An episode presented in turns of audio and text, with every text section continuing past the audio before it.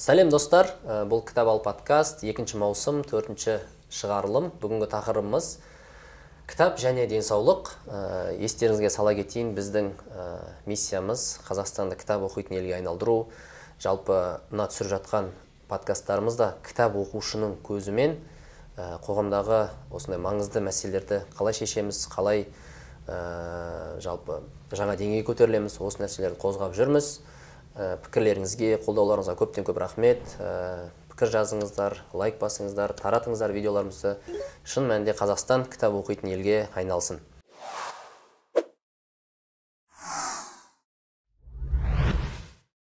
Бүгін әдеттегідей біздің резиденттеріміз шыразадин қаниязов ә, филолог аудармашы автор мирас кесебаев ә, жазушы автор ә, мидың жұмысына байланысты тренер данияр жігітбек жазушы автор.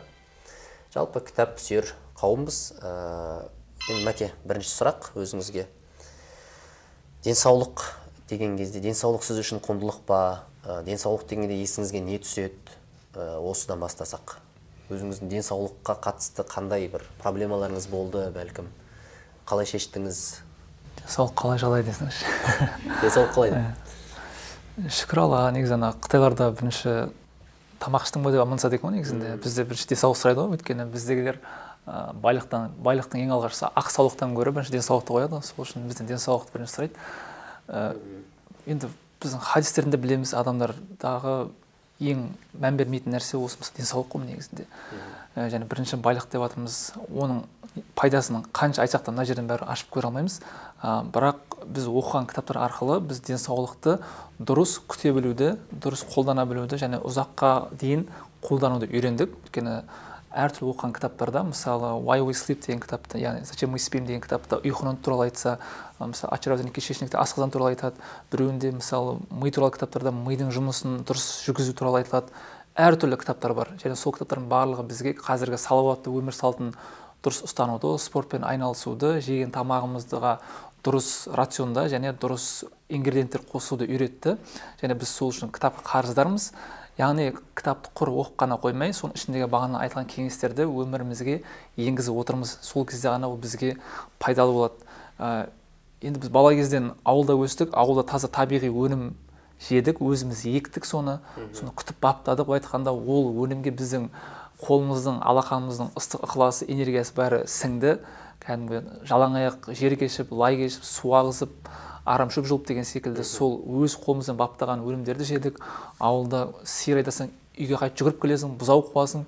Күн сайын спортта ауылда негізінде. Ше ана жерде бір керемет жері. Мысалы осы қалада көрдім. Көптеген балалар топырақ жұғып қалған бірдеңені жесе ауырып қалады. Біз ара шақса ісіп кетеді да. Ал біз ауылда араны өзіміз қолымызға әдейі шақтыратынбыз. Кім көп шақтыра алса сол батыр. Ара ұясын бұзасың мысалы сен шағып алса сен мен көрме қорықпаймын деген сияқты. Ше және мен талай осы он бірінші сыныпқа дейін ауылда есіктің алдында еккен сәбіздерді жұлып аласың да үстіңе бүйтіп сүрте саласың екі ақ жағын. Топырақ мопырағымен жей бересің. Нереально тәтті анау? Құрамында жаңағы фруктоза өте көп болып тұр да және ешқашан ауырмайсың. Бір жерің жарылып кетсе ол жер топырақ себесің да. Өйткені сол ауылдағы топырақпен сенің денеңдегі микробтың көлемі бірдей еді да. Сол үшін ауырмайсың. Ал қаладағы мысалы бала топырақпен өте аз байланысады. Табиғатқа шыққанның өзінде кроссовкамен жүреді деген секілді. Табиғаттағы бар микроб баланың бойында жоқ та негізінде. Сол үшін бала көп ауырып қалады деген секілді.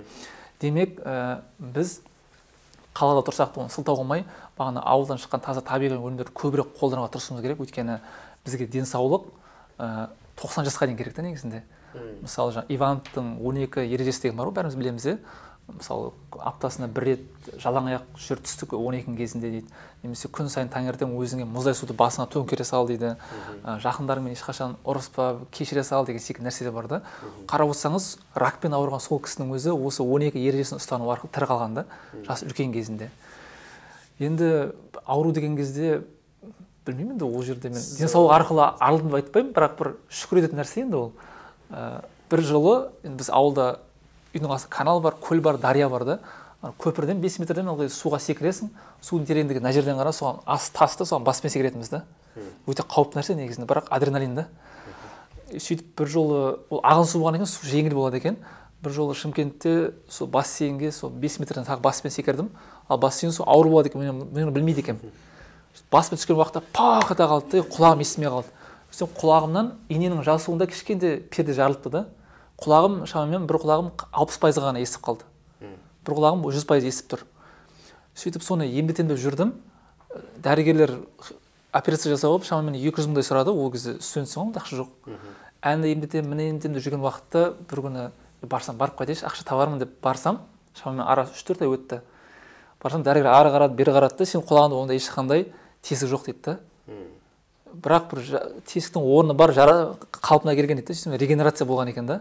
Адамның несінің ағзасының кереметтілігі да сол жараны өзі бітеп өзі жауып мен мына жақта уайымдап жүрген уақытта брат сен тым уайымдама сабағыңды оқи бер біз жасап қойдық деп бәрі шешіп қойған екен. Соған қатты шүкір еттім негізінде ше өйткені құлақтың сау болғаны деген керемет нәрсе ғой негізінде. Ең көп ақпарат көз арқылы келсе одан кейін біз құлақ арқылы келді екінші негізінде. Өзіңіз жиі ауырасыз ба әлде? Кітап кітап оқитын адам мысалы. Кітап оқитын адамдар жиі ауыра ма ауырмай ма деген бір статистика қазір енді арасында адам болған соң ауырасың ғой. Кейде енді мысалы арасында діни кітаптарды оқисың қазір ауырмасаң қорқа бастайсың. Өйткені бұрынғы бабаларымызға қарап отырсақ олар ауырмаған кезде мені құдай тастап кетті екен деп қатты жылайтын болған екен да. Ауырған кезде мені құдай еске алып жатыр қуанады екен кейде ауырған кезде қуанасың ал ауырмай кеткен уақытта кейде уайымдай бастайсың. Неужели мен ауырмай кеттім? Демек мен, менде бәрі сондай керемет болып кетті ма әлде мен жалғыз қалдырып қалдым ба деп ойлай бастайсың да? Кейбір кезде ауырған кезде мен ауру деген былай айтқанда ол себебі салдары ғой негізінде бір нәрсенің салдары. Соны ұға бастаймын. Мысалы менің ә, басымның артқы бөлігі ауырса ұйқым қанбай қалғаны. Алдыңғы бөлігі ауырып жатса демек менде қазір давление түсіп кетті деген сөз. Деген секілді барлығын уже қазір симптомдарын анықтап қойғанмын соған байланысты қалай анықтадыңыз? Әртүрлі кітаптардан енді тек қана кітаптардан бөлек интернет желісіндегі түрлі арнайы соған бағытталған сайттар бар олардан да оқисың. Біз енді тек қана кітаптан оқимыз деген нәрсе емес. Солардан білу арқылы біз қазір үйреніп қалдық. Және одан бөлек түрлі методтар бар. Мысалы кейде басың өз өзінен қатты ауырып кетеді сондай кезде ә, күкірттің шиін алып мына тырнақтың қатты ауыратын жерін бассаң мына мида ауырып жатқан нәрсенің барлығы нервтің бәрі мына жаққа кетіп қалады да. Миыңдағы бүкіл ауру басылып қалады. Сондай методтар да бар. Немесе кейде самовнушение арқылы да ауруды жеңген кездерім болды. Мысалы басың ауырады или ішің ауырып тұрады сол уақытта душқа түсіп айнаның алдында өзіме қарап мен ауру емеспін деп әбден айтып соған сеніп артынан комедия жанрындағы бір джим киносын көрсем жарты сағаттың ішінде басым ауырып қойып кететін негізінде. Демек көптеген нәрселерде біз ауруды өзіміз ойланып табамыз.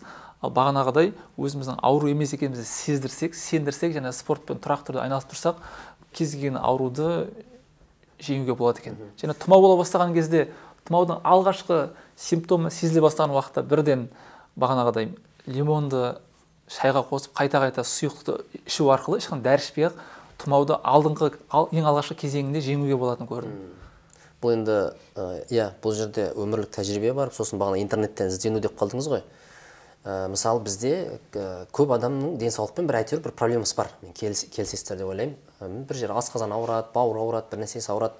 Бірақ ә, немқұрайлы қарайды дейін десем олай да айтуға болады. Болмаса жай соны ерінетін адамдар бар да зерттеуге ше мен қазір өзімді еске алып отырмын. Ә, сол студент кезде ә, мен кітап көп оқитын қазіргіге қарағанда. Сол кезде ә, мен мынаны байқайтынмын. Мысалы бір асқазаным ауырса мен ана асқазанның ауруының себебін із, іздеу үшін ана интернетті ерінбей қарап дәрігердің жазып берген ерінбей қарап оқитынмын. Оқу деген нәрсе бар да жалпы. Кітап оқитын адам ретінде кітаптың жай пайдасы. Ә, қазір анау кітап аз оқығаннан кейін кішкене әлеуметтік желіде белсенді болып кеткеннен кейін аз ә, қарасам анау жазулар шығады ғой бір сайтқа кіресің да. Бір нәрсе бір нәрсе панкреат бір нәрсе басым ойландырғым келмейді да басымды сол үшін жаба саламын яғни өзіңнің деніңнің саулығы үшін ә, ақпарат керек қой. Мысалы білу керек. Соның өзіне миым жалқау. Түсіндір миым жалқау. Өзіңе маңызды деген денсаулық деген тақырыпты реттеп алу үшін миымның өзі жалқауланып тұр. Өйткені кітап оқымай кеткенсің шынықтырмай кеткенсің мидың бұлшықеттері сондай бір байланыс көріп тұрмын да ә, сайттан іздеген үшін. Шәке өзің денсаулық туралы қандай ой келеді? Не айтар едіңіз денсаулық өте қызық нәрсе ғой. Ана бар болса байқалмай жоқ болса бірден байқайсың. Сол секілді. Ә, негізі менде ә, көп өзім, өзіме қатысты проблемаларды байқағаным көп нәрсе бір нәрсе жетпегеннен бір азғы жетпегеннен емес керісінше артығырақ жет- жегеннен болады да. Көбірек жеп қоямыз ә, жеке өзім көбірек жеп қоямын түрлі келіспейтін нәрселерді араластырамын.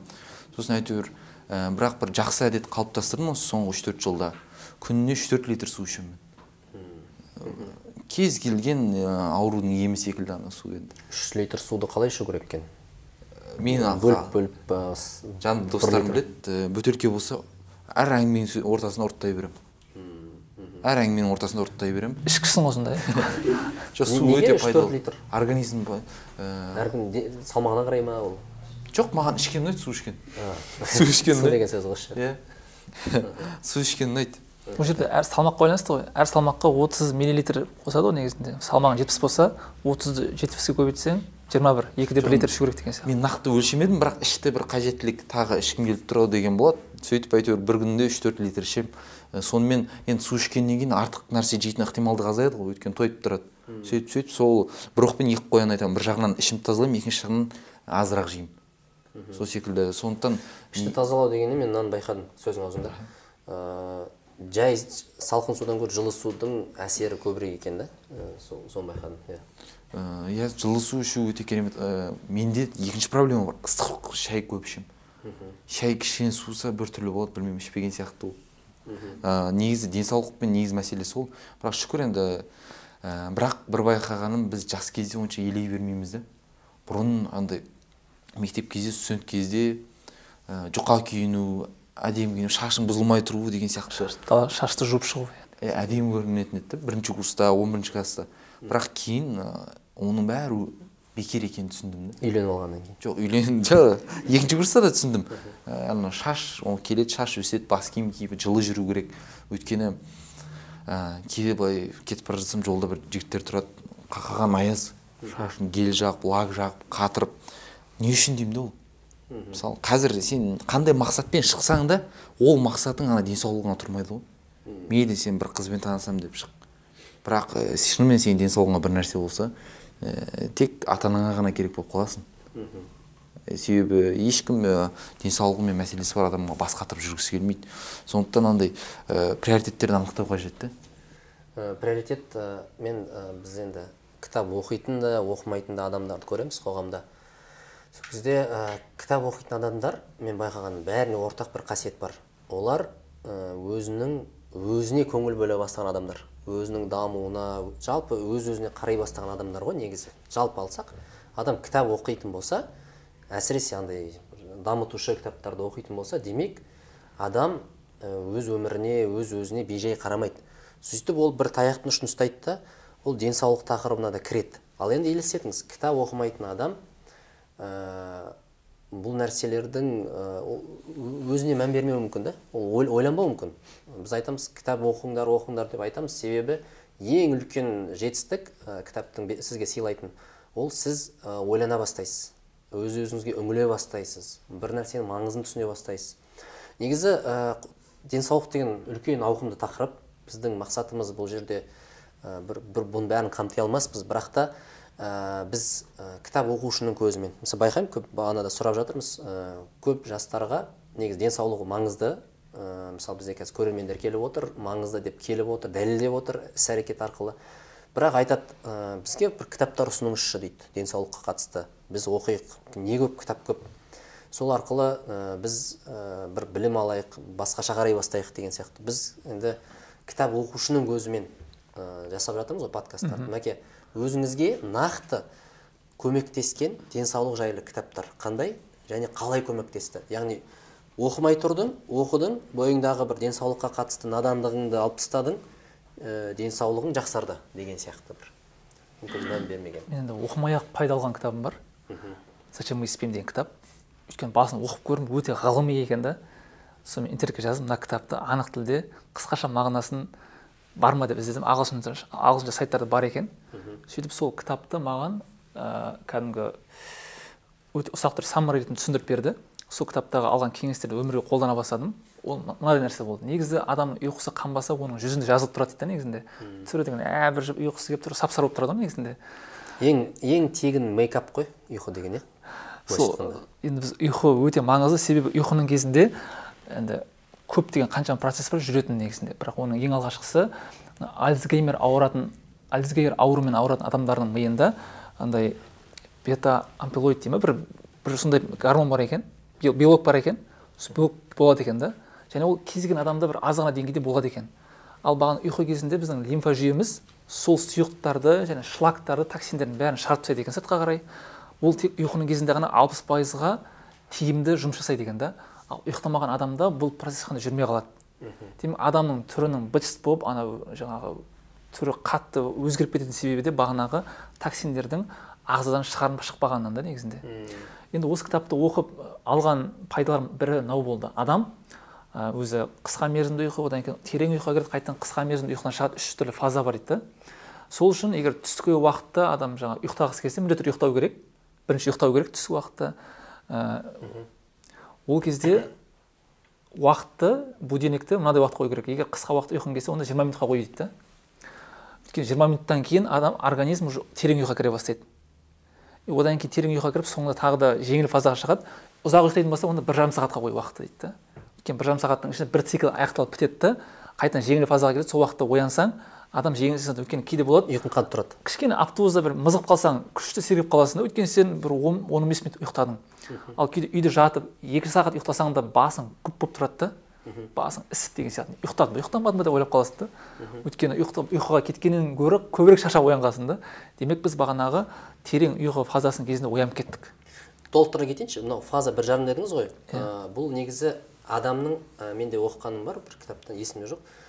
Фаза біреуде бір жарым біреуде екі сағат болады екен. Үм. әр адам әртүрлі. Мысалы сіз үшін цикл ә, терең ұйқынікі бір жарым болса мен үшін екі сағат. Яғни екі сағаттан кейін менің ұйқым қанып тұрған сияқты сезім болады сізде басыңыз сынып тұрады содан. Түсте ұйықтау керек дедіңіз ғой. Мен бір кітаптан оқыдым сол кезде зерттеу жасапты.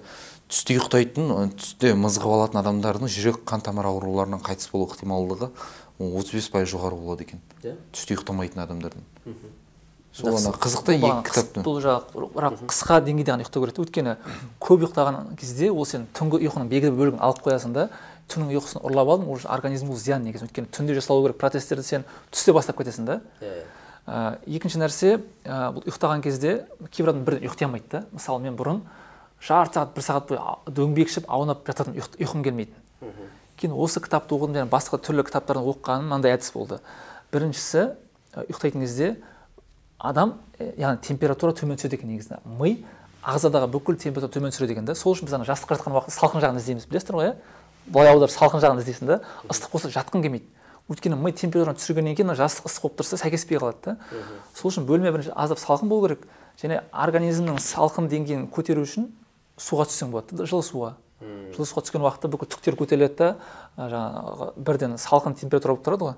Жылы жылы душқа түссең денесін салқындатқысы келеді сөйтіп конденсация болады адам салқындай бастайды. Сол уақытта адам оңай ұйықтайды.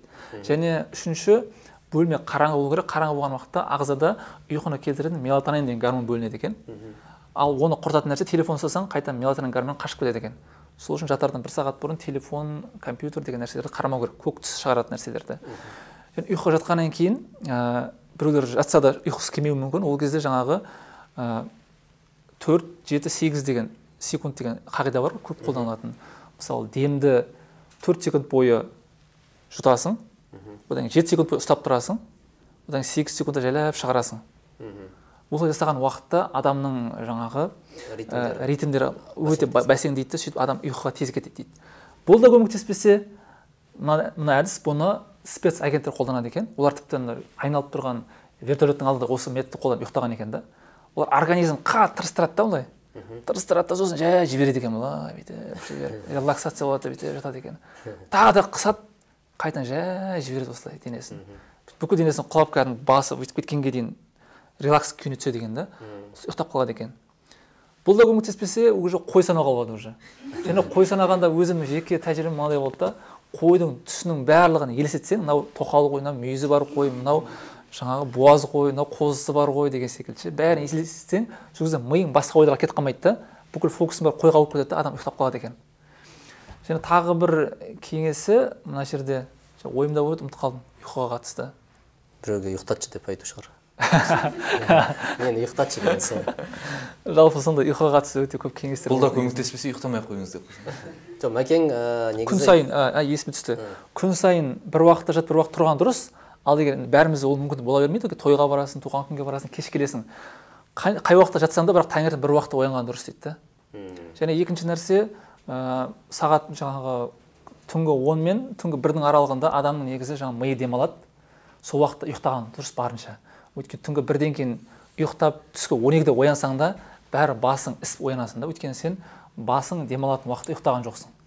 Ал түскі бір мен уже кешкі ә, түскі таңғы алтының аралығындағы ұйқың кезінде уже организм демалып қалады да бірақ басың әлі демалмаған деген нәрсе бар. Мынау негізі ұйқы деген өте үлкен тақырып. Мәкең өзі ұйқысыздық деген нәрсемен күрескен. Жеңдіңіз ғой иә осындай әдістер арқылы? Жеңдік қой иә.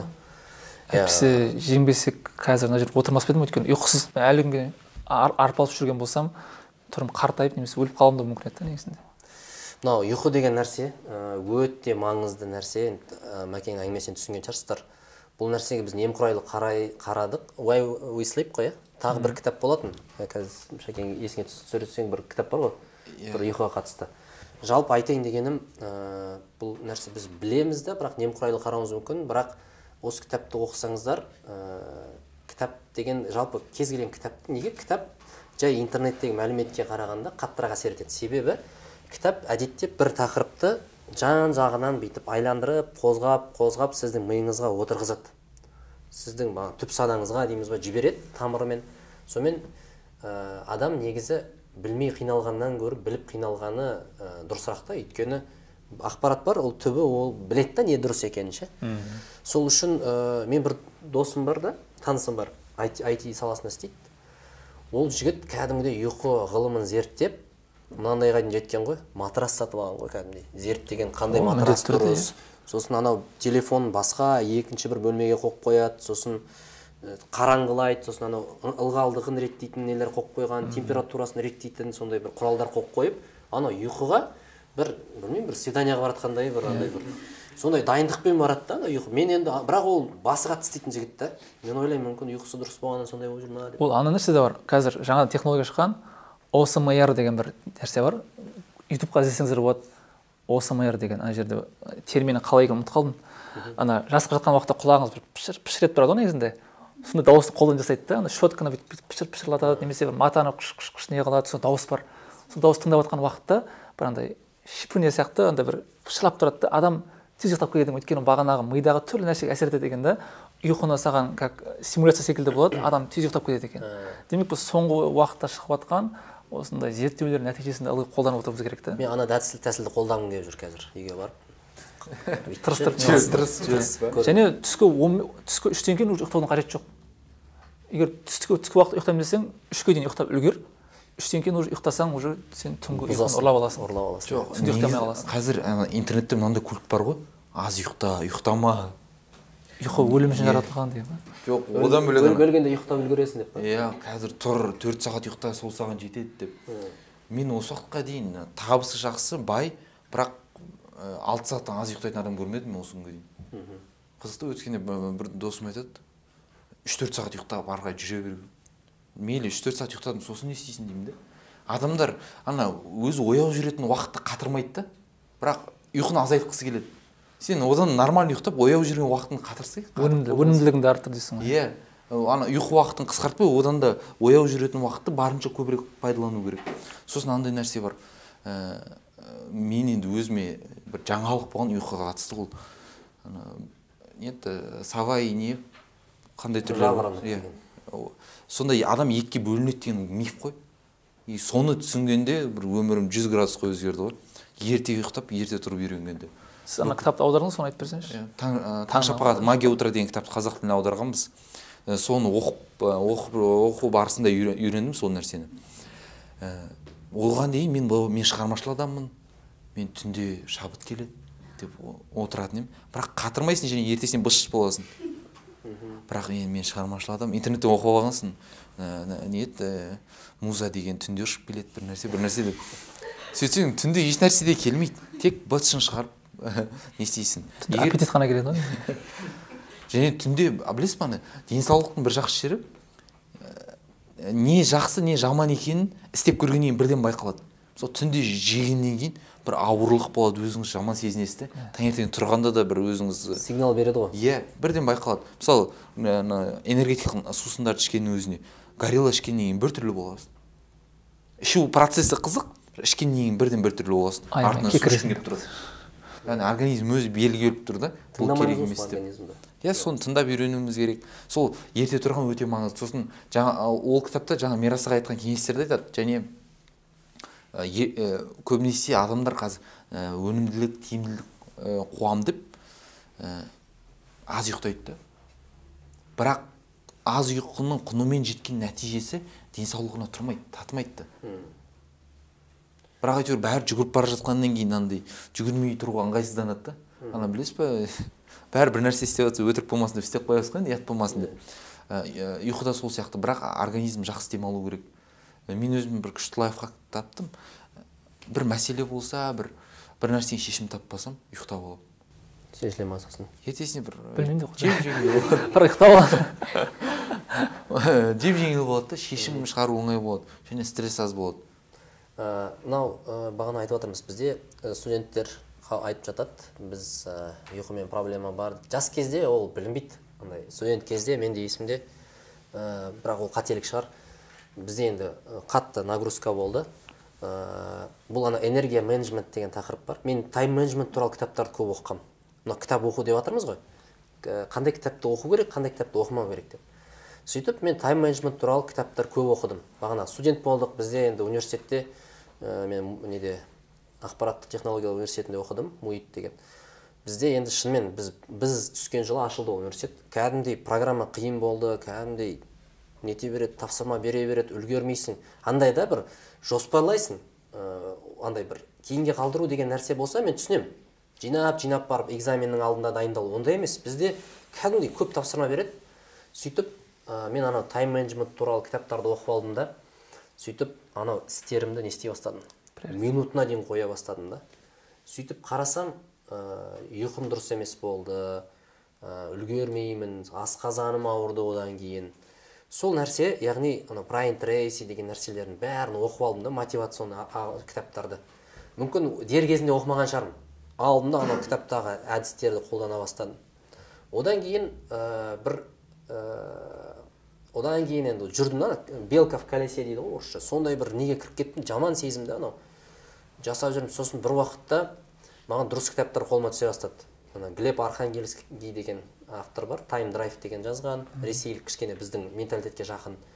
Одан кейін ә, жизнь на полной мощности деген кітап қолға түсті. Ә, кім? Ә, джим лойер деген кітап. Сол кітаптар қолыма түскенде менің ә, жалпы тайм менеджментке деген көзқарасым өзгерді. Сөйтсем ә, тайм менеджмент деген нәрсе маңызды емес екен. Энергия маңызды екен. Энергия менеджменті біз көп жағдайда бәрін уақытпен есептейміз да.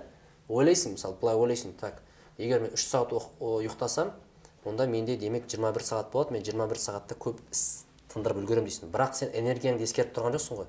Сен тірі ә, нәрсесің ғой. Осы екі кітап бағанағы сол аталған кітапты оқығанда көзім ашылды. Сөйтсем ә, андай бір мысалды келтіреді. Бір екі кісі ә, жарысады канадада ма ақшта ма не? Ағаш балталап. Сөйтіп біреуі балталайды балталайды демалып алады жарты сағат. Тағы балталайды ағаш демалып алады сөйтіп екіншісі тоқтамай балталай береді да ағаштарды күні бойы. Сөйтіп күннің соңында кім көп ағашты шапты деп есептейді ғой енді. Сөйтсе анау демалған адам көбірек шауып тастаған да. Өйткені ол тайм менеджмент принципімен емес.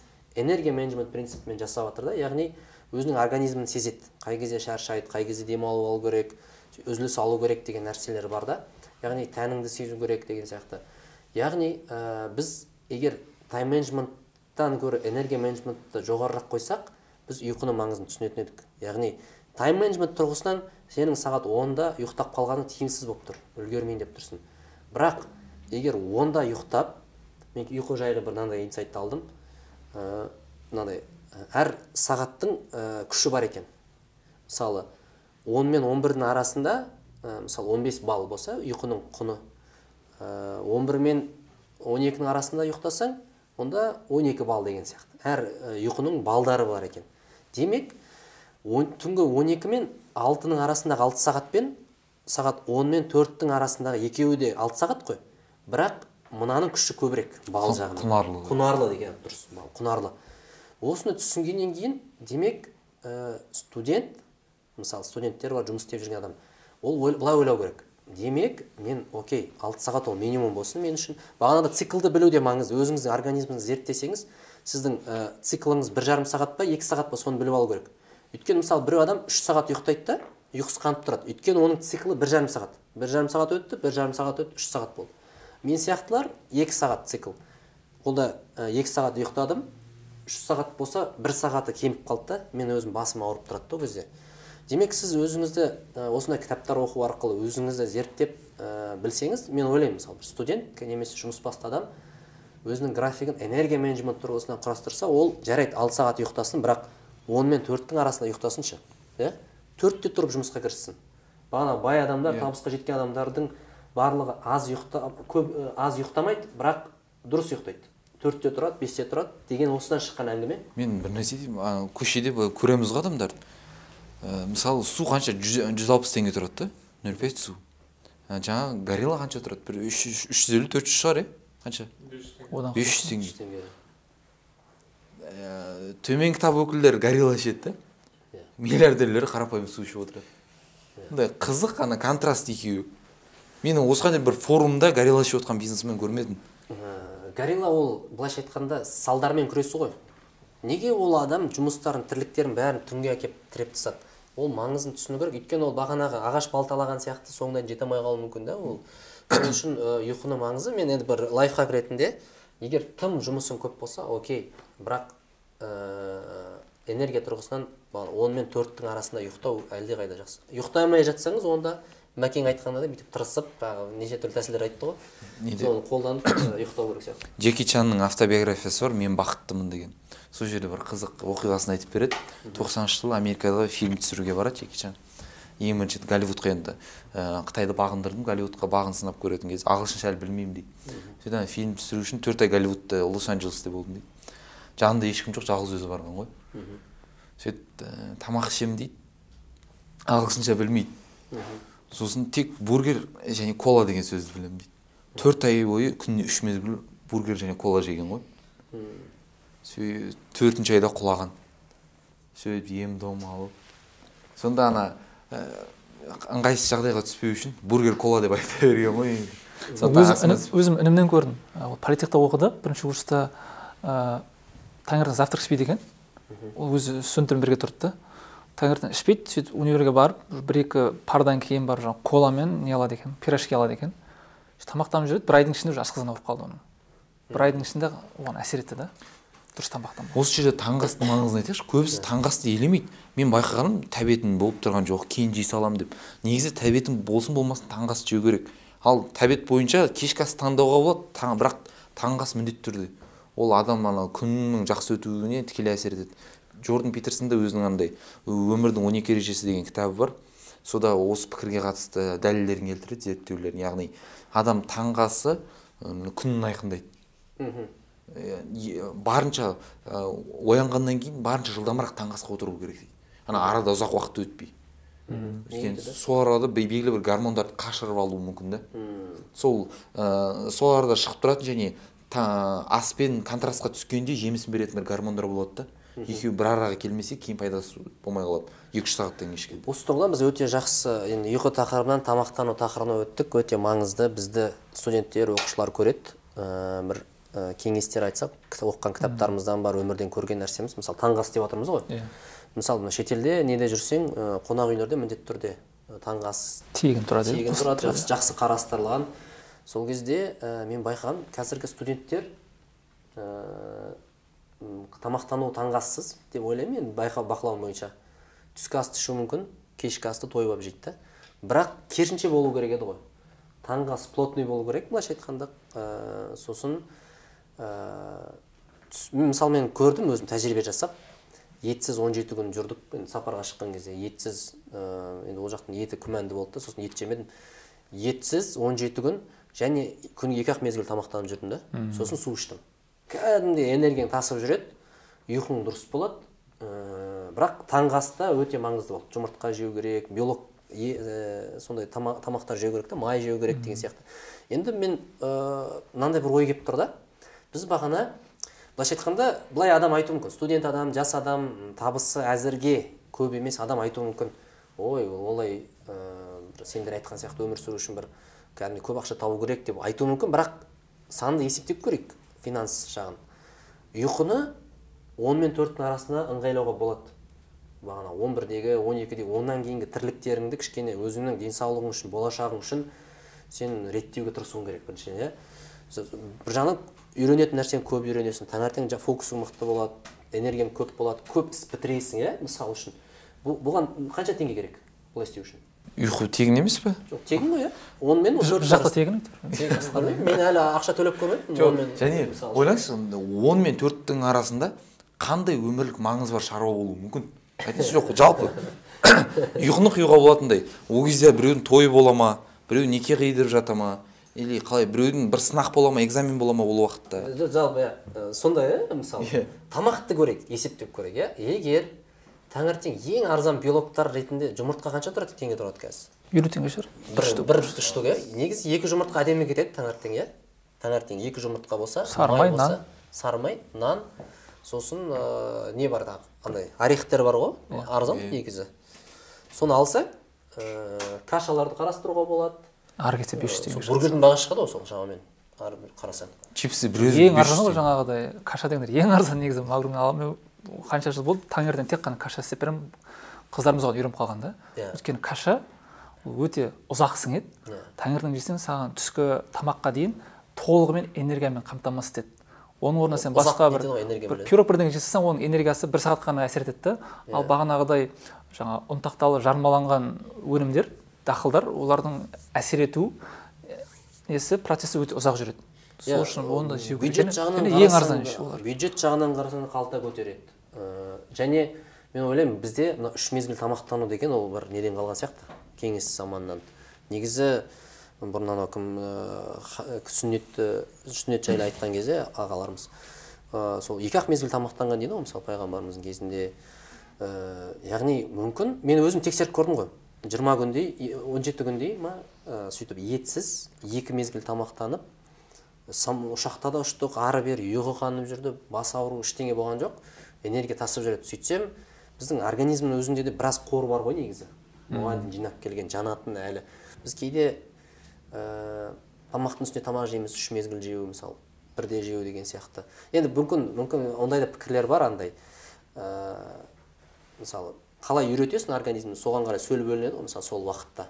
Ол, ол мәселені де ескеру керек. Енді бәрі де кітап оқу керек. Біз мына жерде мамандар емеспіз бірақ та жеке тәжірибемізді өзіміз өмірімізді жеңілдеткен нәрселер айтып жатырмыз. Ары қарай сіздердің еншілеріңізде соны зерттеп оқып өзіңізге керегін алу. Соны бақыт формуласын оқыдым да жасап көрдім мен де.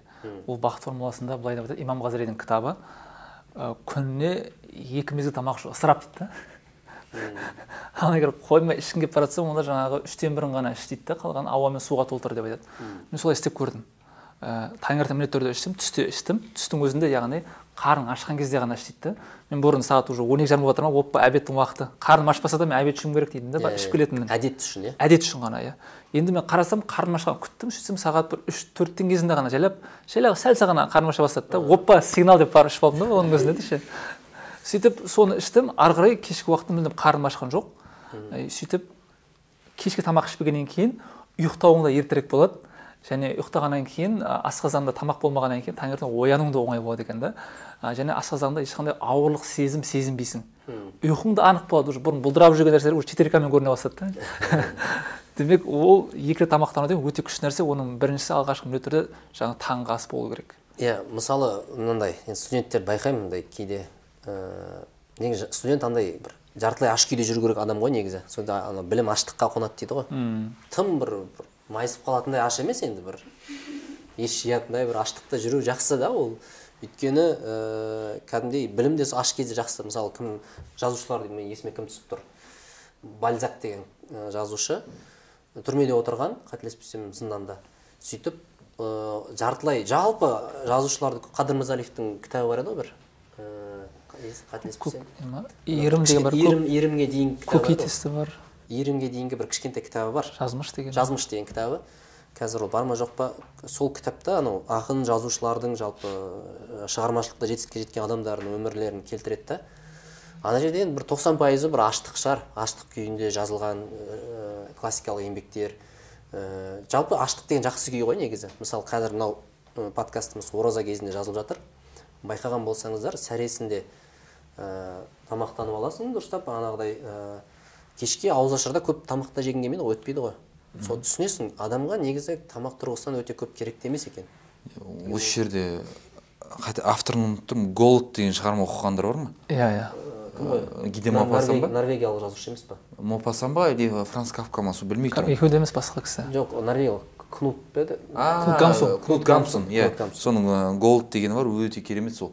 Аштық процесімен келетін шығармашылық андай өрлеуді шыңды сипаттайды да. Неше түрлі галлюцинациялар көрініп бұрынғы аштық деген аштық емес екен дей ма Иә. енді басталды.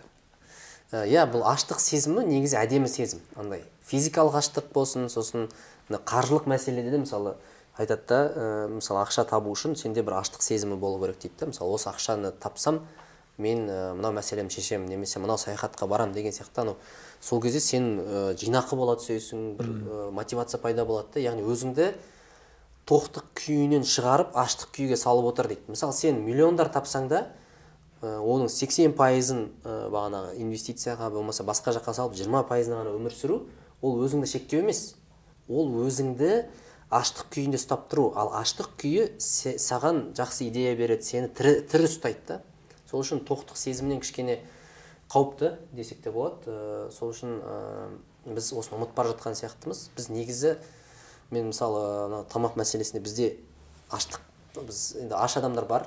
Ә, келсем тамақ бірақ көпшілікті алған кезде ана тойдағы ресторандағы ысыраптарды көрген кезде бізде жалпы қазір адамдар ә, то- тойып секіріп жатқан сияқты. Сіздерге бір қызық айтайын. Өткенде бір сду-ға қонақ болып барғанбыз түлек ретінде сонда бір ә, бізден бір курс жоғары оқыған жігіт қазір алматы әкімшілігіне қарасты ме- мектеп директорларына ә, олардың ә, қалай айтсақ қайта даярлау ғылым білімін арттыру секілді сондай қызмет атқарады. Сөйтіп өткен жылы елу мектеп директорын финляндияға алып барған ғой. Осы алматы қаласының елу мектеп директорын финляндияға алып барған. Сөйтсе финляндияның асханасында ә, тамақ тегін тамақты алады. Ә, тегін дегенде өз оқушылар үшін төлеп қояды алдын ала. Асханадан салып алады және қалған тамақты өздері қоқысқа бөліп сортировать етіп салады екен да оқушылар. Мынау сұйық тамақ мынау ет мынау сүт, сүт деген секілді. Сөйтсе үстінде экран бар екен. Экран экраннан смайлик шығады дейді. Яғни алған тамақтың 30 граммнан көп тамақ қоқысқа лақтырған болса жылап тұрған смайлик шығады дейді да. Ал 30 граммнан аз болса күліп тұрған шығады дейді. Сен маған жарайсың деген. Яғни ысырап етпедің деген сияқты. Сөйтіп ана жігіт айтады. Сонда бір қызығы дейді да елу директорды алып бардық.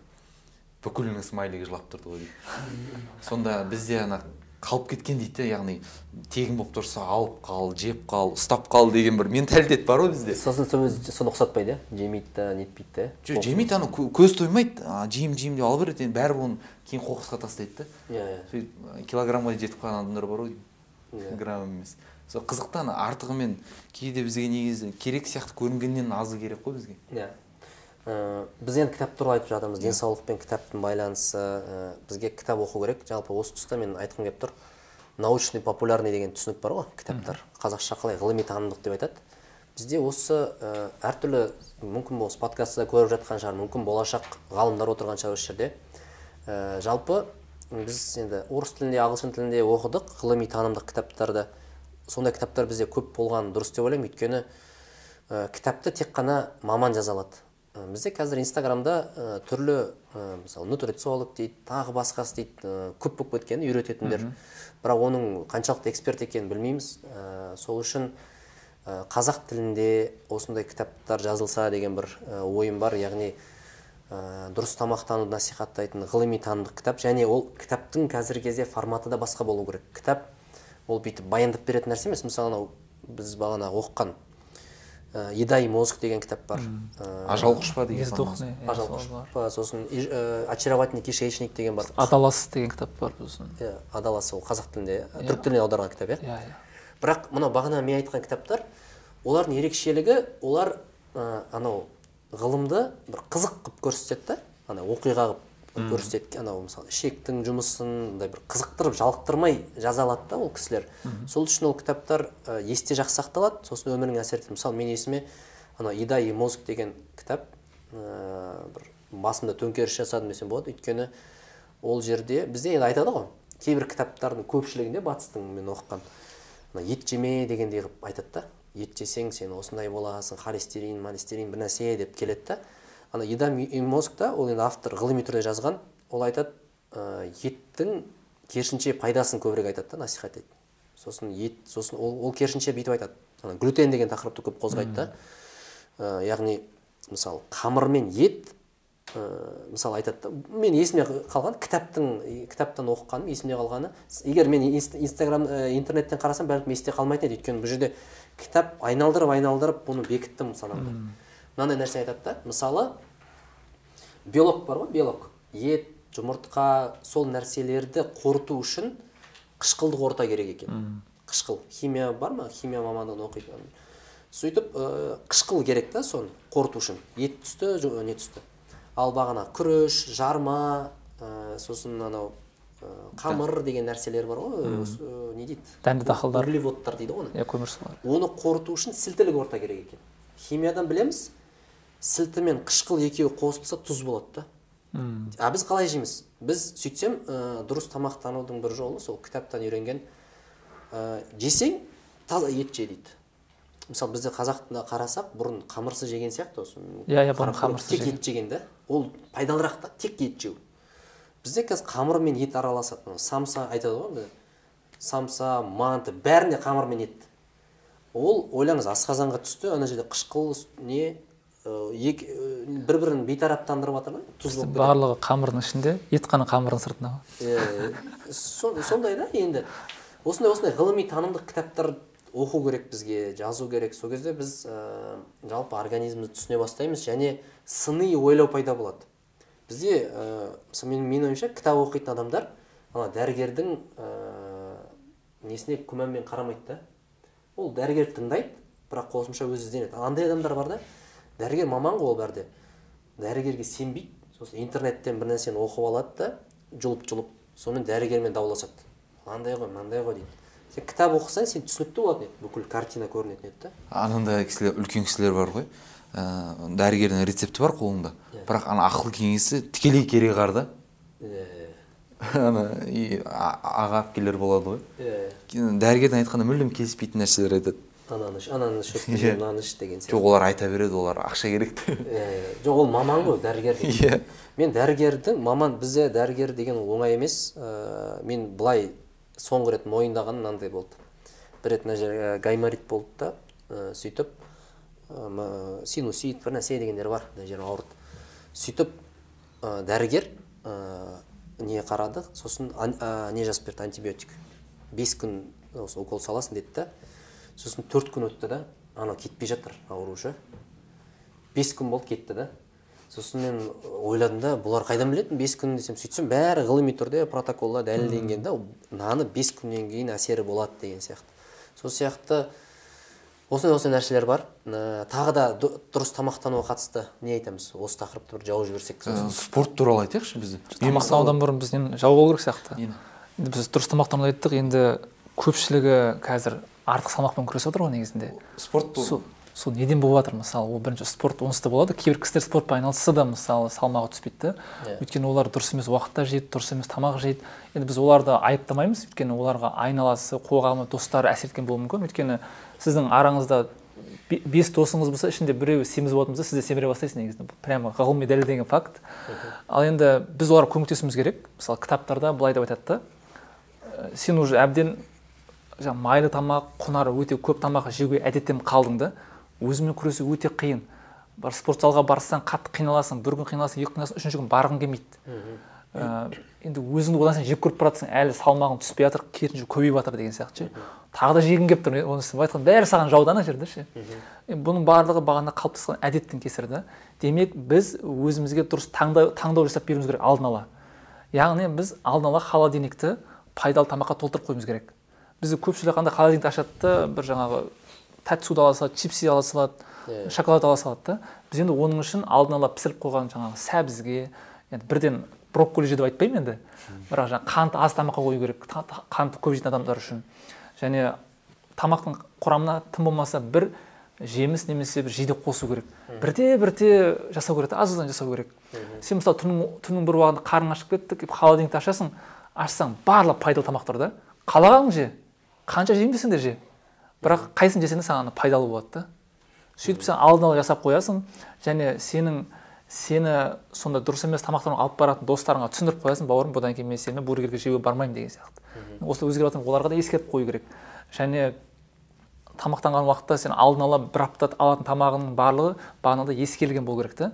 Уже мысалы қант аз тамақ алу жаңағы бағанағыдай каша жасауға арналған ә, жаңағы жармалар алу деген секілді.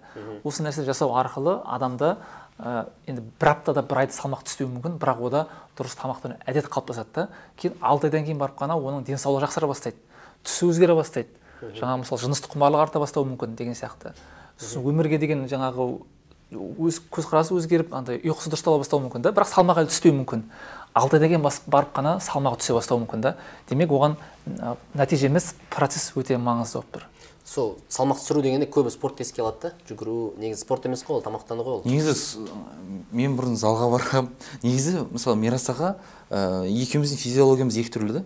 Мен толуға бейіммін ол ана табиғаттан солай. Ә, сондықтан мен мысалы мирас аға қанша жесе де ол кісіге былай онша бас ауру болмайды. Бірақ мен қанша жегенімді қалай жегенімді және қанша жүргенімді есептеп отыруым керек та өйткені кішкене ауытқу болса бірден байқалады. Бірден байқалады. Ә, сондықтан бірақ қазір менде мынандай мәселе. Жаяу жүретін уақыт жоқ.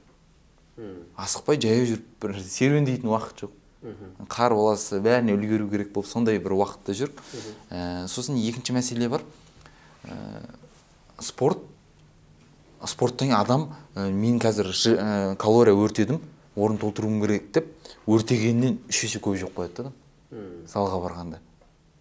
Ә, мысалы мен қанша осыдан екі үш жыл алдын ә, спорт залына бардым. Ә, кішкене жасайсың бірақ адам өзі өртеген калорияның көлемін тым көп не істеуге бейім да баға беруге. Өйткені сіз білмейсіз ғой шынымен қанша өртегеніңізді. Бірақ енді біраз өртеп тастаған сияқты мен жесем болады екен дейсіз да әдеттегіден екі есе көп жейсіз. Сөйтіп салмағыңыз одан сайын ауырлай береді сөйтіп тола бересіз. Сосын екінші мәселе бар. Мен енді қалай айтсам көп адамды көрем өте толық. Бірақ күшті болып киініп жүруге тырысады да. Әдемі болып киініп жүруге тырысады. Ә, бірақ ана батыста қазір мынандай тенденция жүріп жатыр да. Сен өзіңді қандай болсаң да жақсы көруің керек деген. Яғни бірақ ә, бұл ауытқуда ол ауытқу. Шынымен ауытқу өйткені адам ә, бір бір сұлулықтың сымбаттылықтың табиғи нормалары бар да адам көзіне. Яғни адам өзін қалай қабылдаса да ә, тым толық адам ә, бәрібір сымбатты көрінбейді. Және ешқандай киім ә, негізі нағыз сұлулық денсаулық қой. Иә. Yeah. нағыз сұлулық денсаулық. Байқасаңыз андай бір дені сау адамдарда бір өзінің аурасы болады адам баурап алатын. иә. Бір өзі бір ерекше әдемі сұлу және ол арзан тұрады ғой. Иә. Сұлулық арзан тұрады ғой негізі. Ұйқың қанса бағана түрің дұрыс болып тұрады гормондарың дұрыс бөлінеді деген сияқты. Тамақты да қарасаң дұрыс тамақтарды мысалы алсаң арзан тұрады ғой мысалы. Ә, ә, біз ұйқыны қозғадық тамақтануды қозғадық ә, және осы тұрғыдан ақырындап ә, мынау менталдық дейді ғой yeah, иә, психикалық yeah. денсаулық дегенге келсек бұл өте маңызды. Бұл көп нәрсенің басы деп ойлаймын. Тіпті ә, кейде болады. Ә, тіпті мынау ұйықтай алмаудың көп тамақ жеп қоюдың да артында сол психикалық денсаулықтың дұрыс емес екені жатады. Сол тұрғыдан айтарыңыз бар ма әке ә, психикалық денсаулыққа қалай мән бересіз өзіңіз? Ә, бұның маңызы қалай? Қашан байқадыңыз? Қандай осы тақырыпты бір қозғасақ ментальное ментальное здоровье дейді ғой орысша. Біз енді көптеген кітаптар оқыдық. Енді бір кітаптарды әдейілеп оқымайсың кейде қолыңа түсіп қалады. Сол кітаптардан оқыған көптеген ақпараттар біздің қазіргі психикалық күйімізді қалыптастырды. Ә, мысалы кейбір адамдар ашуланған кезде тамақ ішеді. Кейбір адамдар біреуге қатты ренжіген кезде тамақ ішеді деген сияқты. Өйткені ол бір адам қатты тамақ жеп жатса оның жаңағы бірдеңеге қатты энергиясын көп жұмсап жүргенін қатты ашулы екенін байқайсың да. Демек ә, біз бір әрекет жасаған уақытта бағана айтқанда қайта қайта ойлануымыз керек дейді да мен мысалы жақында эйнштейннің кітабын алдым. Ол кісінің қатты ұнаған себебі ол кісі өте көп ойланған адам екен да және ол кісі нобель сыйлығын алды және қаншама әлемді әлемдегі физика заңын өзгерткен қаншама жаңалықтар ашты. Бірақ солардың барлығын ойша ашқан да негізінде. Теориялық. Короче ол теориялық физик та ол кісі. Барлығын ашқан және оны қаншама ғалымдар сол кісінің ойша ашқан жаңалықтарын дәлелдеуге тырысқан да және олардың барлығы тоқсан бес пайызы дәлелденді негізінде. Мысалы гравитацияның жарықты андай майыстыратын дәлелдеу үшін арада 11 жыл ма күтеді ана күннің тұтылуын күтеді. Күн тұтылған кезде ғана барып жаңағы соны көре алады да он бір жылдан кейін барып қана эйнштейннің бір тағы да бір жаңалықтары солай дәлелденіп жатыр да. Қарап отырсаңыз трамвайда отырады да бүйтіп ойлана беретін болған да ол кісі. Бізге қазір сол жетіспейді да ойлану.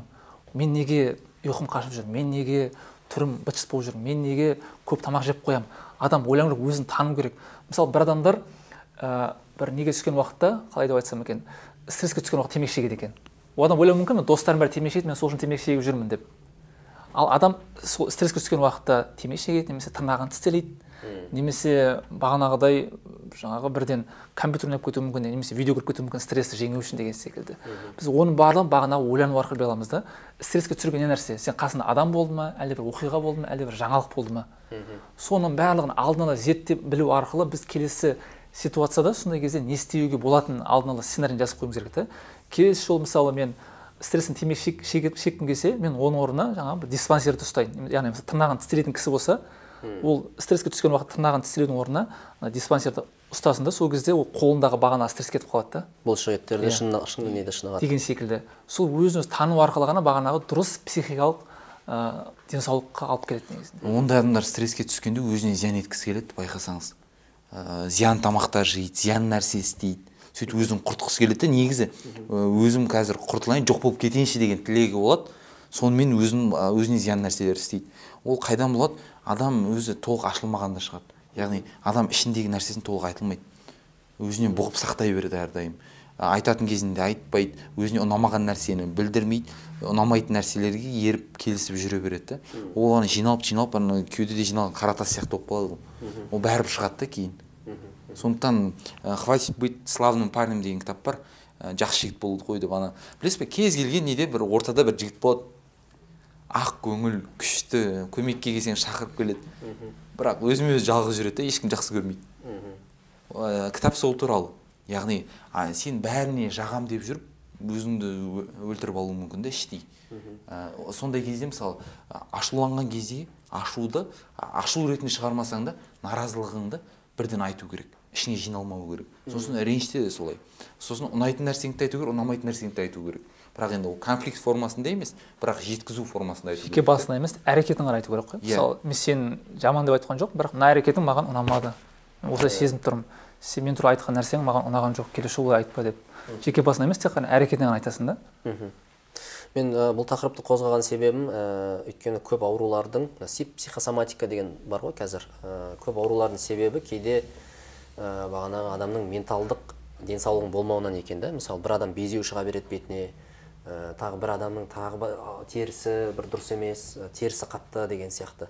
Оның тікелей психикаға әсері бар екенін дәлелдеген кітаптарда жазылып жатыр шығып жатыр. Ә, мысалы маған ә, бір соңғы оқыған кітаптардың ішінде пять травм деген кітап бар. Лиз бурба осыны жиі қайталаймын.